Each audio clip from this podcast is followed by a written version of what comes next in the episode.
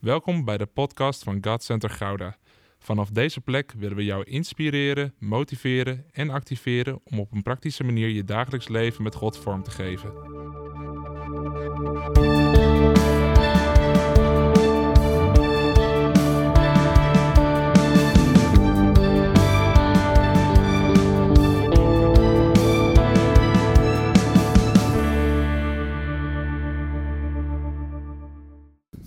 We zitten in de weken tussen, tussen Pasen en Hemelvaart. En dat zijn de weken waarin we lezen in het woord van God dat Jezus 40 dagen lang de discipelen onderwees over het koninkrijk. Heel specifiek hè, over het koninkrijk. Vaak denken we, oké, wat moeten we leren als kerk en, en waar moeten we allemaal in groeien? Maar hij besteedde 40 dagen. Hij wist, ik heb nog 40 dagen totdat ik word opgenomen in de hemel. Waar spendeer ik die aan? Aan het koninkrijk. En daarom willen we in de komende weken ook de principes van zijn koninkrijk bestuderen. Vorig jaar hebben we ook tussen uh, Pasen en Hemelvaart, en zijn we zelfs nog wat doorgaan, hebben een serie van zeven delen gedaan over de Kingdom of God. En vandaag wil ik starten met een nieuwe, wat kortere serie, maar over de principes van zijn koninkrijk. Want de principes van zijn koninkrijk bepalen uiteindelijk hoe jouw en mijn leven eruit zien. Zijn principes bepalen uiteindelijk hoe zijn inwoners eruit zien. Want dat zijn de principes van zijn koninkrijk.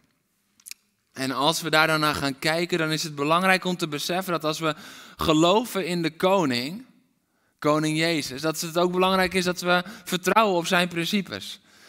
En normaal gesproken zeggen we, ja natuurlijk, dat is logisch. Maar toch is dat in ons leven, vaak is dat toch nog wel een soort touwtrekken en een, een soort van spannend. Iets waar, waar het een beetje spannend wordt, want ja, nee, ik geloof in Hem en ik geloof in Zijn goedheid en ik geloof in Zijn trouw. Maar waarom zie ik het nog niet in mijn leven? Waarom zie ik het nu nog niet gebeuren? En dan neemt dat vertrouwen soms wat af en is het moeilijk om dat vertrouwen daadwerkelijk vast te houden. Als we geloven in Zijn koninkrijk en ons willen uitstrekken naar Zijn koninkrijk, is het belangrijk om te beginnen bij het volgen van de principes van de koning zelf. Het koninkrijk is altijd verbonden aan de koning. We kunnen die twee niet loskoppelen. Die zijn onlosmakelijk verbonden met elkaar. Dus als we het hebben over de principes van het koninkrijk, dan hebben we het ook over de principes van de koning. En durven we die dan ook echt te volgen. En die principes, de grondwet als het ware van het koninkrijk van God, die brengen heel veel verschillende dingen met zich mee. En daar gaan we de komende weken dus ook naar kijken. En vandaag wil ik beginnen bij de eerste. En het koninkrijk van God en de principes van het koninkrijk van God brengen balans. Balans. En als er iets is waar de hele wereld naar op zoek is, op dit moment is het wel balans. Overal zie je mensen zoeken naar balans. En ze zoeken het in alle gaten en hoeken, maar iedereen is op zoek naar balans in zijn of haar leven. Balans in de samenleving, maar ook gewoon heel persoonlijk balans voor jezelf. En ik denk dat nooit eerder zoveel mensen uit balans zijn geweest en tegelijkertijd onwijs zoeken naar balans om zich weer stabiel te voelen en weer gelukkig te voelen. En het is ook een soort oplossend begrip geworden. Van ja, als je in balans bent, dan ben je gelukkig. Dat is wat je veel hoort. Van ja, je moet in balans zijn om stabiel te kunnen blijven, om gelukkig te kunnen zijn. En we doen alsof dat nieuw is, maar de Bijbel heeft het ons al lang voorgeschreven. En terwijl iedereen op zoek is naar de weg naar balans, missen we zo vaak de bron van balans en wordt die er buiten gehouden. En daarom willen we vandaag kijken naar het eerste principe van Gods koninkrijk en hoe dat balans brengt in ons leven. Want balans kan niet anders als vanuit God komen. En dat is niet een goedkope dooddoener, maar dat is de realiteit van zijn woord en, en de basis en het fundament van ons leven. Want als balans in ons leven komt door een factor van buiten, hoe kunnen we dan stabiel blijven van binnen? Weet je, zo vaak zoeken we balans eigenlijk in een factor naar buiten. Mensen zoeken het in, in yoga of mindfulness. En dat zijn externe factoren. En mensen zoeken het in rust en stilte. Want als ik maar genoeg in de rust ben en in de stilte ben, dan ben ik in balans. En het zijn weer externe factoren. En mensen zoeken het in liefde en relaties, want als dat in, in balans is, als dat, als dat het brengt in mijn leven, dan ben ik gelukkig. Maar het zijn externe factoren. En ik wil je vandaag vragen, waarin zoek jij je balans? Waarin zoek jij je balans? Is het iets uiterlijks? Is het van ja, ik ben altijd zo druk, dus ik moet nu rust nemen en tijd nemen voor mezelf? En is dat dan jouw balans? Of, of ik heb relaties nodig die om me heen staan, die er voor me zijn, en is dat dan jouw balans? Want zolang we balans blijven zoeken in de externe factoren, zullen we nooit stabiel blijven van binnen. Want rust komt en gaat in je leven. En zelfs relaties kunnen komen en gaan in je leven. Niet elke relatie, elke vriendschap is levenslang. Soms verhuizen mensen, soms sterven mensen. Relaties zijn niet voor altijd in jouw leven. Het zijn externe factoren die jou niet in balans houden. Als onze stabiliteit ligt in relaties, agenda over onze rust, dan zal het altijd afhankelijk blijven. En dan zullen we altijd heen en weer getrokken worden door de externe factoren van ons leven, die een grote invloed spelen op ons leven. En onze balans ligt niet in die externe factoren, maar onze balans ligt in degene die in ons is komen wonen. En we gaan zo direct ontdekken dat in die grondwet van zijn koninkrijk, het principe van zijn koninkrijk, dat de liefde, en God is liefde, dat dat de basis is van de balans in ons leven. Het is het fundament, onze zekerheid, onze balans. En weet je, tegenwoordig lijkt het wel alsof balans de basis in ons leven. Want als we in balans zijn, dan zijn we gelukkig. Of dan hebben we het goed. Of dan hebben we het voor elkaar. Maar balans hoort niet de baas te zijn in ons leven, want dan gaat balans zijn eigen leven leiden. Maar balans moet de basis zijn van ons leven. Twee letters verschil, maar een groot verschil. Balans moet niet de baas zijn van ons leven, maar de basis van ons leven, van waaruit we leven. En daarom kijken we naar de principes van Gods Koninkrijk vandaag. En die brengen balans in ons leven. En misschien niet gaan we kijken naar de invulling van ons leven of van die principes, maar echt naar het hart van die principes en het volgen van zijn principes. En we gaan straks lezen in Matthäus 22 en dan duiken we als het ware in um, een uitspraak van Jezus. We duiken in het moment dat Jezus net Jeruzalem is binnengegaan. En hij is Jeruzalem binnengekomen op een ezel. We hebben de intocht gehad. En net daarvoor zien we al dat er een kleine shift komt. Er komt een shift in, in hoe Jezus opereert. Want we zien eigenlijk vanaf dat moment dat hij heel erg richt op het koninkrijk van God. Hij gaat onderwijzen over het koninkrijk en en daar de lessen en de gelijkenissen over delen. En we zien ook een shift van uh, waar het eerst heel veel wonderen en tekenen waren, dat hij nu de uitleg geeft over dat koninkrijk. Dus we zien een kleine verschuiving, misschien wel een grote verschuiving. De focus is al een tijdje naar het koninkrijk van God geschoven. En waar we eerst dan zoveel lezen over die wonderen en tekenen, zien we na de verheerlijking op de berg, dat dat eigenlijk naar de achtergrond gaat en dat de woorden van Jezus de nadruk krijgen. En dat Jezus zich meer en meer richt op de teaching van het koninkrijk. We hebben de intocht gehad, hij is als koning onthaald, maar hij zal ook als koning onbegrepen gaan worden. En dan op het gegeven moment um, hebben de Sadduceeën hem uitgedaagd en heeft hij hen het zwijgen opgelegd en dan komen de fariseeërs bij hem. En daar wil ik hem oppakken met je. Je mag gaan staan voor het woord van God. Matthäus 22, vers 34 tot en met 40. En dit is tegelijkertijd ook uh, de visie van de gemeente is gebouwd op deze versen. Love God, love people, love yourself. Vanuit de woorden die Jezus hier gaat spreken. Ik lees hem vanaf vers 34. Nadat die fariseeën hadden vernomen dat hij de Sadduceeën tot het zwijgen had gebracht, kwamen ze bij elkaar. En om hem op de proef te stellen, hem is Jezus, vroeg een van hen, een wetgeleerde, meester, wat is het grootste gebod in de wet? Dus dit was niet een oprechte vraag. Ik wil leren, wat is nou het grootste gebod? Hoe moet ik mijn leven vormgeven? Nee, dit was gewoon om hem op de proef te stellen. Dit was gewoon een manier om te kijken, kunnen we iets in Jezus vinden waardoor we hem te dood kunnen veroordelen? Want dat is waar ze continu mee bezig waren. Ze wilden Jezus een kopje kleiner maken.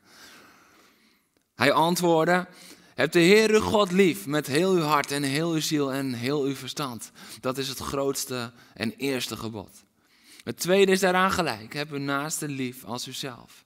Deze twee geboden zijn de grondslag van alles wat er in de wet en de profeten staat. Deze twee geboden, heb de Heer uw God lief en uw naaste als uzelf, is de grondslag, is als het ware de, de, het fundament waarop al die andere regels, al die andere wetten gebouwd zijn. Dit is eigenlijk de hartslag van de wet en de profeten. Dit is het fundament, dit is de voeding, dit is de oorsprong daarvan. Deze twee geboden. Je mag lekker gaan zitten. Jezus wordt hier op de proef gesteld. En als hij dan op de proef gesteld wordt, hij is als koning onthaald, dan begint hij eigenlijk ook als koning te spreken. En dat is mooi, want terwijl hij op de proef wordt gesteld en er wordt hem gevraagd van ja, wat is dan het grootste gebod van de wet? Want weet je, die, die Sadduceeën en die schriftgeleerden, de fariseeërs, die hadden die wet, die hadden ze met dag en nacht erin gestampt en die kennen ze van voor, van achter, binnen en buiten. Wauw, we zouden onder de indruk zijn van de bijbelkennis die die gasten hadden. Maar ze hadden het hart achter de wet, hadden ze niet begrepen en hadden ze niet gepakt. En daarom proberen ze hem nu weer op de proef te stellen. En Jezus kiest ervoor om dan even de grondwet van zijn koninkrijk daarover neer te leggen. De grondslag van de wet en de profeten. Dat is het hele Oude Testament de wet, de eerste boeken van Mozes en de profeten. Daarna, we zien het hele Oude Testament is samen te vatten in de wet en in de profeten. We zien ook de verheerlijking op de berg. Daar zien we ook dat Mozes en Elia komen. Mozes die de wet ontving, Elia het beeld van de profeten. We zien dat daar de wet en de profeten samenkomen. En zo zien we ook dat Jezus hier zegt van ja, daarin komt alles samen de hele wet en de hele profeten, het hele Oude Testament, alles wat je tot nu toe hebt ontdekt, hebt gezien, hebt geleerd, komt samen in deze twee wetten. De grondwet van het koninkrijk van God, de grondwet, de principes van het koninkrijk van God. De liefde. Want de liefde is de drijfveer. Heb de Heer God lief, met heel uw hart, hele ziel en heel uw verstand. En dat is het grootste en eerste gebod. En daarnaast heb u naaste lief als uzelf. Dus het is allemaal gestoeld op de liefde. En die liefde, hou van God, hou van anderen, hou van jezelf, is de drijfveer, is de voeding en is ook de balans van zijn koninkrijk. Weet je dat zonder de liefde het koninkrijk van God uit balans raakt? Eén, omdat Jezus is de koning. En de Bijbel zegt, God is liefde. Hij geeft het niet alleen aan ons, maar hij is liefde. Dus de koning zelf, hij is liefde. Dus waar liefde zou ontbreken, zou het koninkrijk uit balans zijn. Want zonder koning Jezus is zijn koninkrijk uit balans. Maar ook waar de liefde in ons hart niet regeert, is het uit balans in ons leven. Zonder liefde is een koninkrijk uit balans. Daarom moest hij ook zijn zoon geven. Want al zo lief had God de wereld dat hij zijn enige zoon gegeven heeft. En die zoon is liefde. Dus liefde is altijd het fundament en de drijfveer en de voeding en de balans van zijn koninkrijk. En daarom heeft hij zichzelf ook gegeven, omdat hij liefde moest geven en omdat liefde het fundament moest zijn van het koninkrijk van God. En daarom zegt Jezus hier ook, ja, hierin komt alles samen. Alles komt samen in dit principe. Dit brengt balans in het koninkrijk. Dit, brengt, dit is het fundament van het koninkrijk. Dit brengt stabiliteit in het koninkrijk. Dit is de grondwet van het koninkrijk. En als wij denken aan Gods wetten en Gods regels, dan, dan, dan nou, bij sommigen gaan dan de haren al overeind staan. Oh, we moeten niet wettisch worden. Rustig maar. We gaan juist het hart van zijn wetten. En ik denk dat je heel anders tegen de wet gaat aankijken als ik uitleg waarom die wet is gegeven. Ehm, want het is niet om wettisch te worden, maar Gods principes brengen balans voor ons. Weet je, God heeft zijn wetten niet nodig. God heeft zijn regels niet nodig, want hij is volmaakt. Hij is heilig, hij is rechtvaardig, hij is goed. Hij, hij, hij staat in die zin boven de wet. Weet je, de koning staat normaal gesproken ook boven de wet, wist je dat? Ik zat dat even te researchen. Ik weet dat het vroeger altijd zo was, dat de koning gewoon boven de wet stond. Maar zelfs nu, in Nederland hebben we daar wel wat, wat gradaties uh, in de wetten in ingebouwd, zodat de koning nog wat te ver, uh, ter verantwoording geroepen kan worden.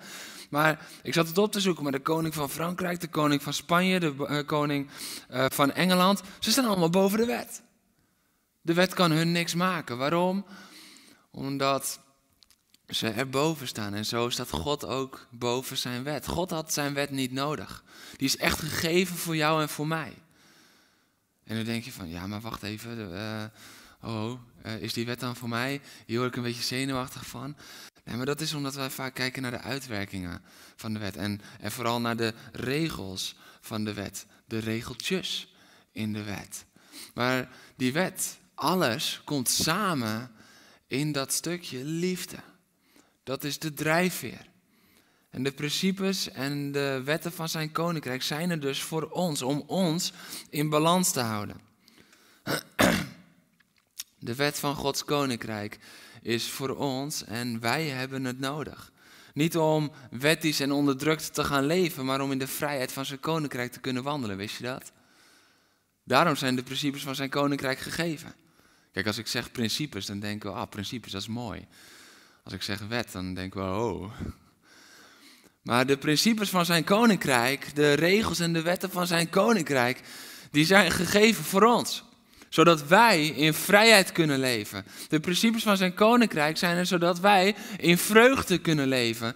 De principes van zijn koninkrijk die zijn er zodat wij in veiligheid kunnen leven.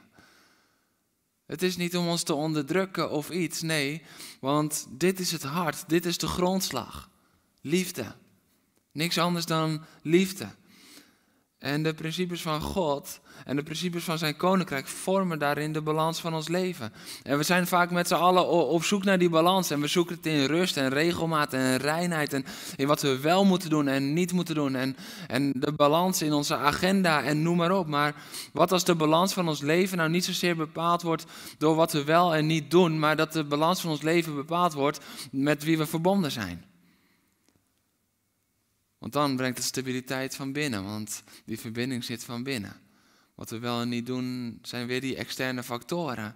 En kunnen ons het ene moment uit balans trekken en het andere moment denken we, nou, het is lekker rustig, ik ben in balans. Maar wat nou als het niet gaat om wat we wel en niet doen, of wat we wel en niet willen, maar dat het te maken heeft met wie we verbonden zijn. De principes van God, die zijn er voor ons, voor jou en voor mij. De wetten van zijn koninkrijk, de wetten van het koninkrijk van koning Jezus, zijn er voor jou en voor mij. En wordt, worden samengevat dan in heb de Heere God lief boven alles. En uw naaste als uzelf. Dat is wat Jezus zegt. En misschien zeg je, ja, maar eh, hoezo haal je dan al die oude wetten aan? Want uh, we zijn toch vrijgekocht van de wet. De wet is vervuld door Jezus. Hij ging aan het kruis en hij riep uit: Het is volbracht. En nu is het vervuld. En nu hebben we daar dus geen problemen meer. Wij, zijn niet onder de wet. Nee, maar wij zijn wel onder de wet van Jezus. En weet je dat Jezus trouwens iets heel interessants zegt? Jezus zegt dan op het gegeven moment: Ja, er is u altijd gezegd, maar ik zeg u. En weet je dat die principes van Jezus veel verder gaan dan de wetten in het Oude Testament dan? Oude Testament zei, hey, je zal geen overspel plegen. Maar ik zeg jou, kijk niet eens, begeer niet eens in je hart. De wet in het Oude Testament zegt van, ja, je moet je, je naaste lief hebben. Maar ik zeg, niet alleen je naaste moet je lief hebben, je moet ook je vijanden lief hebben. Oh, maar wacht eens even. Misschien is die wet van het koninkrijk nog wel heftiger dan de wet van het Oude Testament. Terwijl we denken altijd van onder die wet zijn we gelukkig vrijgekocht en hebben we niks meer mee te maken. Wat zijn jullie stil? Mooie boodschap, hè? Ja, ja, de wet is goed. De wet van zijn koninkrijk. Niet de wet die we onszelf opleggen, de wet van zijn koninkrijk. Maar het is belangrijk om te beseffen dat die principes er voor ons zijn. En dat wij niet zonder die principes kunnen. En sterker nog, dat als wij zoeken naar balans in ons leven, dat we misschien eens op zoek moeten naar het hart van zijn principes. Want die brengen balans in ons leven. Weet je, ik vind het zo mooi. Jezus maakt ook een soort van de balans op op dit moment. Hij maakt de balans op. Want, want wat is nou het grootste gebod van, van al die wetten? Weet je, het zijn er honderden. Als je Leviticus doorleest en, en, en de boeken van Mozes. Honderden wetten. En wat is nou het allerbelangrijkste? Vragen ze dan. En ze vraagt om hem op de proef te stellen. En dat vind ik zo mooi. Want na alles wat er is gesproken, alle wetten die zijn gegeven, alle principes die zijn geschreven, kijkt hij niet naar de uitwerking, maar hij kijkt naar de grondslag. Hij kijkt niet naar hoe het uitgevoerd moet worden, maar hij kijkt naar de verdiepende laag. En als we het hebben over de balans in ons leven, kijken we zo vaak naar de uitwerking. Maar Jezus begint daar helemaal niet over, omdat hij niet kijkt naar de externe factoren en de uitwerking, maar hij begint bij de kern. En hij begint bij de liefde die de voeding is voor gezonde balans in ons leven. Valt het je op dat Jezus dan nergens spreekt over de balans tussen je relatie bouwen met God en het werken voor God? Dat Jezus daar helemaal nooit een uitspraak over doet, van daar moet je balans in vinden. Of dat Jezus nergens het heeft over uh, rust en werken, dat hij daarin de balans, nee, dat is door mensen bedachte manier van balans vinden. Of dat Jezus heeft het ook niet over het, uh, de balans tussen het kiezen voor jezelf en het kiezen voor anderen. Dat is weer een door mensen bedachte balans. Jezus gaat een stapje dieper. Wij kijken vaak van ja, zie je, ik heb te weinig voor mezelf gekozen, dus ik moet nu meer voor mezelf gaan kiezen. Nee, het probleem is niet dat je meer voor jezelf moet gaan kiezen, je moet meer van jezelf leren houden. Jezus maakt een verdiepingsslag. Want misschien denk jij dat die uitwendige keuze de oplossing is. Ik moet meer tijd voor mezelf maken. Maar als de liefde voor jouzelf niet toeneemt daarin, dan zal je uiteindelijk innerlijk nog steeds niet in balans zijn. Ook al ziet jouw tijdsbesteding er veel meer in balans uit. Dit is het hart van Jezus. Jezus kijkt niet naar het uiterlijke, de externe factoren. Nee, hij kijkt, hé, hey, maar hou jij echt genoeg van jezelf om in balans te zijn? Is jouw liefde voor God groot genoeg? En is jouw liefde voor jezelf groot genoeg? En jouw liefde voor de anderen groot genoeg? En verhouden die zich ook tot elkaar? Want je kan wel doen in je werken heel veel voor anderen, maar als je jezelf niet lief hebt, zegt Jezus hier in die kleine korte samenvatting, heb je naaste lief als jezelf. Je kan een naaste nooit meer lief hebben als jezelf, maar je kan wel meer voor een naaste doen als voor jezelf. En dat verwarren wij, want wij denken, ja, uh, dat is liefde betonen, maar misschien is dat wel gewoon werken vanuit een gedachte, ik moet dat doen. Maar als je jezelf niet lief hebt, kan je ten diepste ook nooit op een dieper niveau die ander lief hebben. En de tijd die je daarin spendeert, die zegt niet altijd iets over de kwaliteit van de balans, omdat je die liefde voor jezelf misschien nog helemaal niet zo diep hebt. Het is tijd om de verdiepingsslag te maken en Jezus maakt die verdiepingsslag. Want Jezus die geeft dan niet tools om het in de praktijk uit te voeren, maar wat geeft hij dan wel? Hij geeft het fundament van een gezonde balans. Die drie opdrachten. Heb God lief. Heb jezelf lief en heb anderen lief. En Jezus ziet ook dat ieder mens anders is. Ieder mens is anders en daarom gaat hij geen uitwerking geven. Daarom zegt hij ook niet, je moet 33% van je tijd zo verdelen. Of je moet het zo en zo, 50% voor God en 25% voor jezelf, 25% voor anderen. Hij gaat dat niet zo uitwerken, want hij weet dat ieder mens anders is. Dat ieder mens een unieke gave en roeping heeft. Dus die uitwerking die laat hij in onze relatie met God. Maar hij gaat een stapje dieper. Want de uitwerking komt ten diepste vanuit de identiteit die je met je meedraagt. Dat is de balans in je leven, de liefde die daar echt is, niet de uitwerking daarvan. Het fundament bestaat uit twee wetten die alles samen brengen. En als je je leven ziet als een weegschaal die in balans moet zijn, dan zetten we vaak dingen tegenover elkaar. Dus wat denken we van, oké, ik moet werken maar ik heb ook rust nodig en dan kan ik in balans blijven. Maar, maar ja, dat vind ik wel lastig, want uh, naast dat ik mijn werk heb, wil ik ook nog dienen in de kerk. En, um, en dienen van anderen. En ja, dan moet ik ook nog uh, meebouwen aan, uh, wow, aan het worshipteam in de kerk. En dan zie je dat alles instort, omdat het gewoon te druk wordt.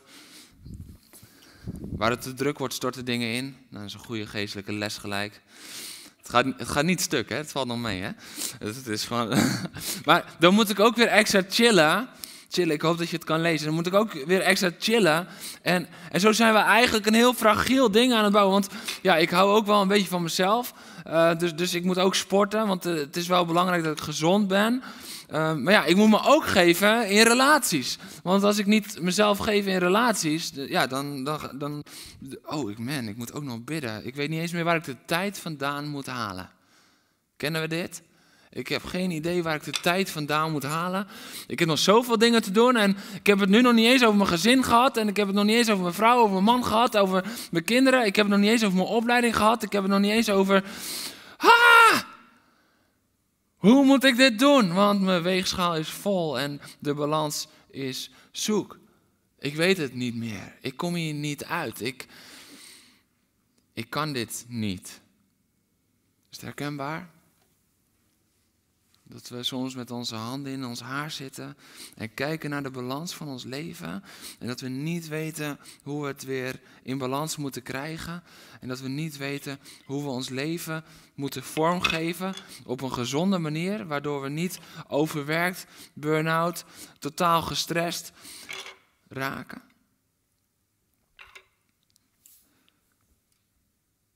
En dan komt Jezus en die maakt een verdiepingsslag. En dan komt Jezus en die zegt iets heel anders. Jezus zegt namelijk, die uitwerkingen, die bepalen niet de balans in jouw leven, maar deze twee. Love God. Love people. Love yourself. Heb de Heere God lief boven alles en heb uw naaste lief als uzelf. En als die twee wetten. Die twee wetten. En daarin is Love God is de grootste. Daarom krijgt hij de ene kant.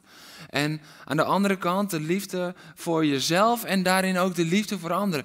Als, als die de balans mogen brengen en als die de grondslag zijn van jouw leven, dan gaan daar gezonde keuzes uit voortkomen. Dan is het niet zo dat uiteindelijk jouw sport en jouw bidden en jouw chillen en, en jouw rustmomenten en jouw relaties en jouw dienen en jouw werken en de kerk, dat die uiteindelijk in balans moeten komen en dat die de balans bepalen. Want dat zijn nog steeds al die externe factoren die altijd wisselend zijn. Want het ene moment heb je meer relaties dan een andere moment.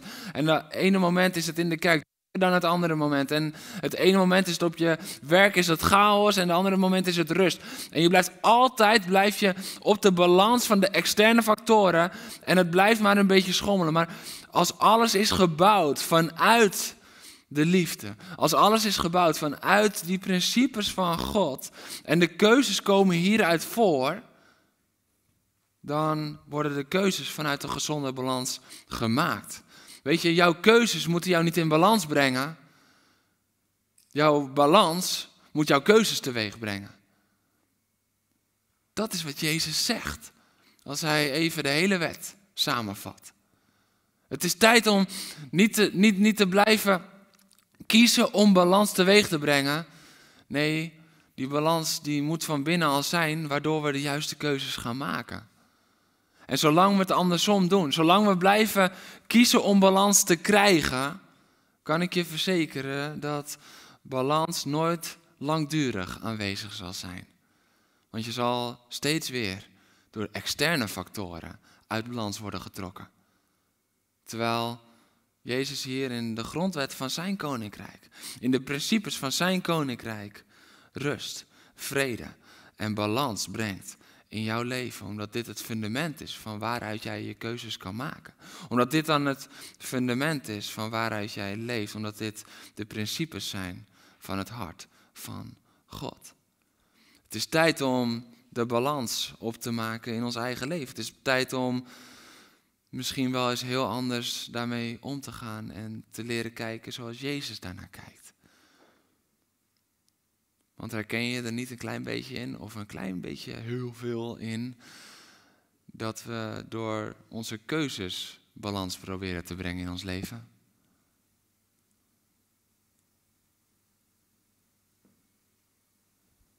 In plaats van dat we in Gods principes onze balans vinden en daar gezonde keuzes uit gaan maken. Jezus geeft hier balans voor jou en voor mij. Jezus geeft hier een enorme verdieping op wat wij in eerste instantie niet zien en wat die fariseeërs al die tijd hadden gemist. Die waren alleen maar bezig met het opvolgen van de uiterlijkheden in plaats van het leven vanuit het hart. En hoe vaak doen wij dat ook niet in de rust van ons leven en in de paniek van onze onrust. En de instabiliteit en onbalans die, waarmee we worstelen, dat die ervoor zorgt van, ja, ik moet anders gaan kiezen, ik moet dit en dit, ik moet dit opzij zetten. En we maken impulsieve keuzes. We maken impulsieve keuzes. Oké, ik ga nu hiermee starten, want dat brengt balans in mijn leven. Ik ga nu hiermee stoppen, want dan kom ik weer in evenwicht. Ik moet nu, nee. Nee, want als jouw keuzes nog steeds die balans moeten brengen, dan zal je steeds weer uit balans raken. Maar als de balans jouw keuzes gaat leiden, dan zal dat stabiliteit brengen. Jezus laat zien de principes van zijn koninkrijk. En Jezus geeft dan ook nog eens een volgorde voor balans. Alle wetten en regels waren er om het volk in balans te houden, om gezond te houden. En het zat hem dus niet alleen in het opvolgen van die wetten, maar de liefde van de koning die eronder lag. Ook al zag niet iedereen dat, ook al was het niet altijd even duidelijk. Maar in onze zoektocht naar balans is het eigenlijk heel erg vaak dat we eh, God zelfs een beetje buitensluiten. En dat hij een soort onderdeel is die zoektocht, terwijl we zoeken naar handvaten om ons aan vast te houden. En we schuiven in onze agenda, schrappen in onze bezigheden, voegen juist toe aan wat we doen. En God is een onderdeel van ons leven dat we in balans moeten brengen. Dat is vaak de realiteit van ons leven. Terwijl hij eigenlijk de bron van liefde is die de basis is van onze balans. Balans gaat niet om wat je doet, maar om waarmee je je vult. En in het woord van God zijn volgordes altijd belangrijk. Volgordes zijn altijd belangrijk. We zien ook een soort van de wet van de eerste keer in het woord van God. Iedere keer als iets voor het eerst komt, dan wordt daar in principe heel krachtig neergelegd en is het heel erg belangrijk. En dat zien, dat zien we hierin eh, ook weer. En uh, volgorde van woorden, van handelingen, van gebeurtenissen zijn altijd van belang. Zit altijd een diepere betekenis achter als we het woord lezen. En dat zien we hier dus ook. Er is een volgorde gegeven. De volgorde is belangrijk. Dus de volgorde is één is God, twee ben jij en 2.2, dat is de ander. Dus één is God, 2.1 als ik het zo mag zeggen, dat ben jij en 2.2, dat is de ander. Die worden aan elkaar gekoppeld, maar heb je naast de lief zoals jezelf. Dus zoals betekent dat die eerst, eerst moet jij zelf daar zijn. Anders kan het niet. Dus het is niet die ander komt onder jou, hij is wel daarin naast jou, maar we hebben wel een 2.1 en een 2.2. Dus de volgorde die God geeft is hierin ontzettend belangrijk. Volgorde. Volg orde van God. Volg de orde. Misschien zit er in volgorde wel gewoon een opdracht om de orde te volgen. Misschien is dat ook wel waarom hij volgorders geeft, zodat we de orde gaan volgen. En, en volgen brengt dan orde. Misschien moeten we de principes van God nog meer leren volgen, want dat volgen brengt dan orde in ons leven. En lijkt dat niet verrekt te veel op de balans die we zoeken, de orde in ons leven. Volg de orde van Gods principes om balans te vinden. En heb je dan door dat God eerst vraagt om jezelf lief te hebben voordat je het kan delen met de ander? Heb je dan door dat God eerst vraagt om boven alles Hem lief te hebben? Dat is altijd zijn hart, dat is altijd zijn, zijn verlangen om, om eerst die relatie zo te hebben. Want op het moment dat onze relatie zo goed is en sterk is, dan kan die zo ook vermenigvuldigen. Weet je, als, als jij zo verticaal krachtig gebouwd bent, dan brengt dat zo'n balans en zo'n kracht dat we horizontaal kunnen gaan uitdelen. Dat is wat het doet. Er is een bewuste volgorde. Weet je, en wanneer die drie vormen eh, van liefde in je leven uit balans zijn, dan ben jij uit balans. Dan ben je niet stabiel. Hoeveel rust je ook neemt, hoeveel je ook bidt, hoe, hoe weinig je misschien ook doet, of hoeveel je ook gaat doen voor anderen, omdat je denkt, ik moet in balans. Als die uit balans zijn, als die drie liefdes uit balans zijn, love God, love people, love yourself, als dat uit balans is, dan kun je zoveel doen om met activiteiten en tijdindeling iets in balans te krijgen. Je zal altijd uit balans blijven, want de volgorde volgt de orde van God, is niet voor niets gegeven. Weet je, ik, ik, ik moest denken aan, ik hoor heel vaak mensen zeggen, oh ik was echt toe aan vakantie. Oh, ik was echt aan toe. Kennen we dat? Kijk. Ik was toe aan vakantie. Het is goed dat we er nu even drie weken tussenuit gaan. En, en, en ergens in ons hoofd denken we dan dat we door die vakantie de balans in ons leven weer herstellen. Want daarna kunnen we er weer tegenaan.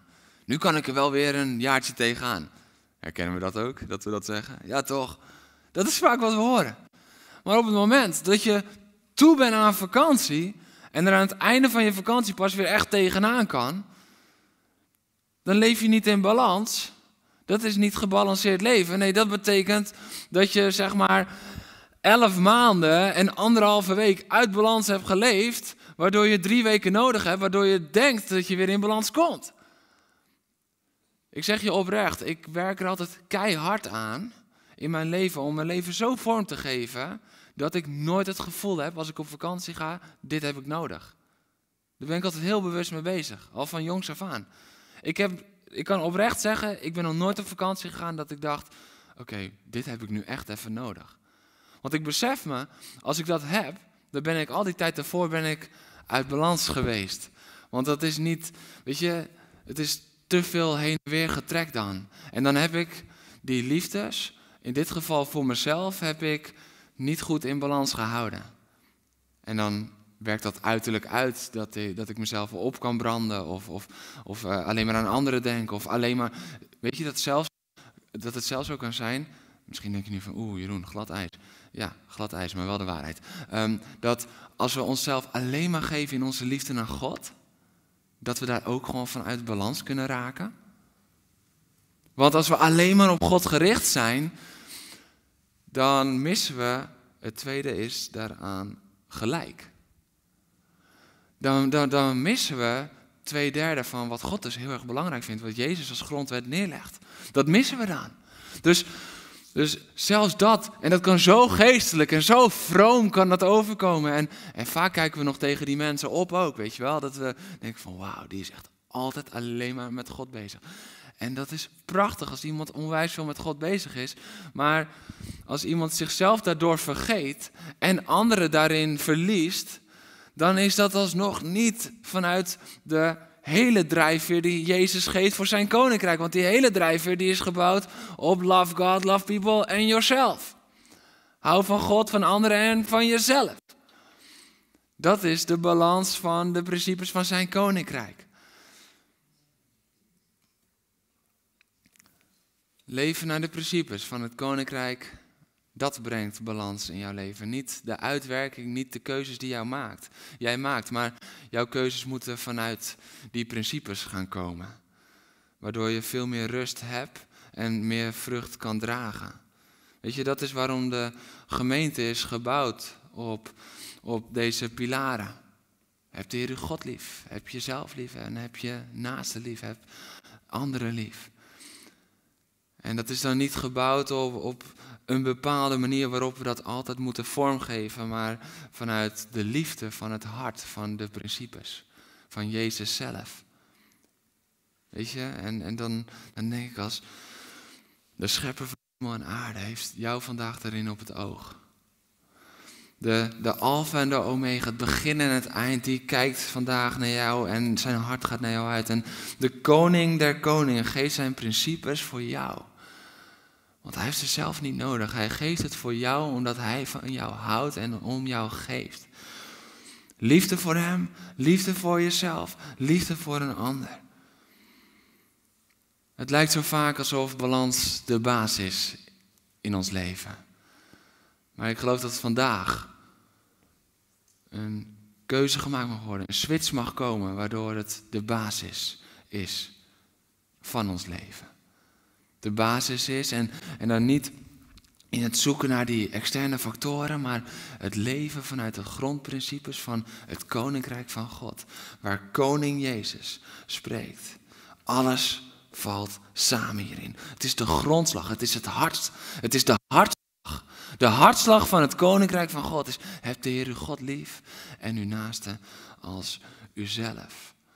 Want we kunnen pas echt in balans leren leven. En die balans zal pas echt gaan komen als we de volgorde gaan volgen. Als we gaan volgen de orde van God. En dat brengt dan ook nog eens orde in ons leven, balans in ons leven. Ik wil vragen of de worship naar voren wil komen. En tegelijkertijd wil ik een oproep doen vandaag. Als jij op zoek bent naar balans in je leven, dan wil ik met je bidden. Dan wil ik met je bidden om om die keuze te maken, om dieper te gaan, om die hartslag te zoeken, die hartslag van het koninkrijk van God. Om niet te blijven hangen in de uiterlijke, de externe factoren, maar om die verdiepingsslag die Jezus maakte, te gaan maken met elkaar. Want we hebben die verdiepingsslag nodig. Anders blijven we altijd afhankelijk van alles om ons heen. En zijn we niet langdurig stabiel en in balans. Je zal een moment hebben dat je denkt, ah oh, ja, nu ben ik. Maar je zal een moment hebben dat je denkt, oh nee, hoe gaat dit nu? Het is tijd om de balans te vinden in de principes van zijn koninkrijk. De liefde van, van Hem die in ons leeft. Die zichzelf heeft gegeven voor jou en voor mij. Als dat geldt voor jou, als jij op zoek bent naar balans in jouw leven, wil ik je vragen om op te staan. Wil ik je vragen om je hand op je hart te leggen. En als je hier in de zaal bent, je mag opstaan. En ik wil voor je bidden. En als je thuis bent, ik wil je ook gewoon vragen om op te staan. En misschien denk je wel na vandaag, ik wil hierover verder praten. Daar hebben we hulp at voor. Het is niet alleen nu, we willen een moment voor je bidden, we willen ook in je investeren. We willen je ook helpen om die, die stappen te maken in de principes van God. Dus zorg dan ook dat je gewoon een mailtje stuurt. Dat je een mailtje stuurt, bel me alsjeblieft en zet je nummer erin. Ik heb hulp nodig om in die balans te komen. Als dat voor jou geldt, mag je nu gaan staan, wil ik met je bidden een moment.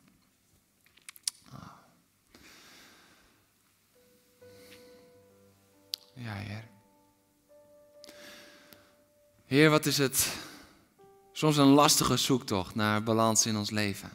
Omdat we het zo vaak hebben gezien als iets uiterlijks en als we, dat we het zien als gevolg van de keuzes van ons leven. Maar Heer Jezus, dank u wel dat als u dan de principes van uw koninkrijk gaat neerleggen, dat, dat, u, dat u komt met die verdiepingsslag. En dat u komt met, met de fundamenten. En dat dat is de liefde. En, en dat u liefde bent. En, en dat het dan niet afhankelijk is van onze keuzes om balans te brengen, maar dat we in u balans mogen vinden en in uw principes, waardoor we gezonde keuzes gaan maken. En Heer, ik wil u op dit moment bidden voor een ieder die staat. Heer, uw hart klopt voor ze. Heer, uw liefde is voor hen. Uit liefde voor hen ging u aan het kruis, droeg u elke struggle, elke pijn, Heer, en ook elke onbalans om zo het koninkrijk te kunnen brengen en de principes van uw koninkrijk te kunnen geven, waardoor ze stabiel en in balans kunnen leven. Heer, en ik bid, Heer, dat ze allereerst mogen ontdekken dat het niet afhankelijk is van de keuzes die ze moeten maken en de tijd die ze indelen, maar dat het allereerst is in die liefde. Heer, hun liefde voor u. Heer, maar ook juist die liefde, want die ontbreekt zo vaak, maar echt die diepe liefde voor hunzelf. Van waaruit ze ook weer liefde mogen uitdelen naar anderen. Heer, maar ik bid op het moment, op dit moment, voor een ieder die staat, dat u allereerst, Heer, komt met een openbaring van uw liefde voor hen, waardoor ze een diepere liefde voor zichzelf zullen krijgen. Heer, dit zijn de principes van uw koninkrijk. De koning die niet komt om te heersen over de ander, maar die kwam om zich te geven voor de ander. Heer, niet een koning die vanuit een paleis af en toe wat rondstuurt door het koninkrijk, maar die zichzelf gaf voor het koninkrijk. Die niet liefde geeft, maar liefde is en zichzelf gegeven heeft. Heer, dit is wie u bent. Dit is hoe u handelt. Dit zijn de principes van hoe uw koninkrijk gebouwd wordt. Heer, en op dit moment bid ik voor een ieder die staat dat ze die diepe liefde van u voor hen mogen voelen. En dat dat mag meebouwen aan het stukje houden van zichzelf.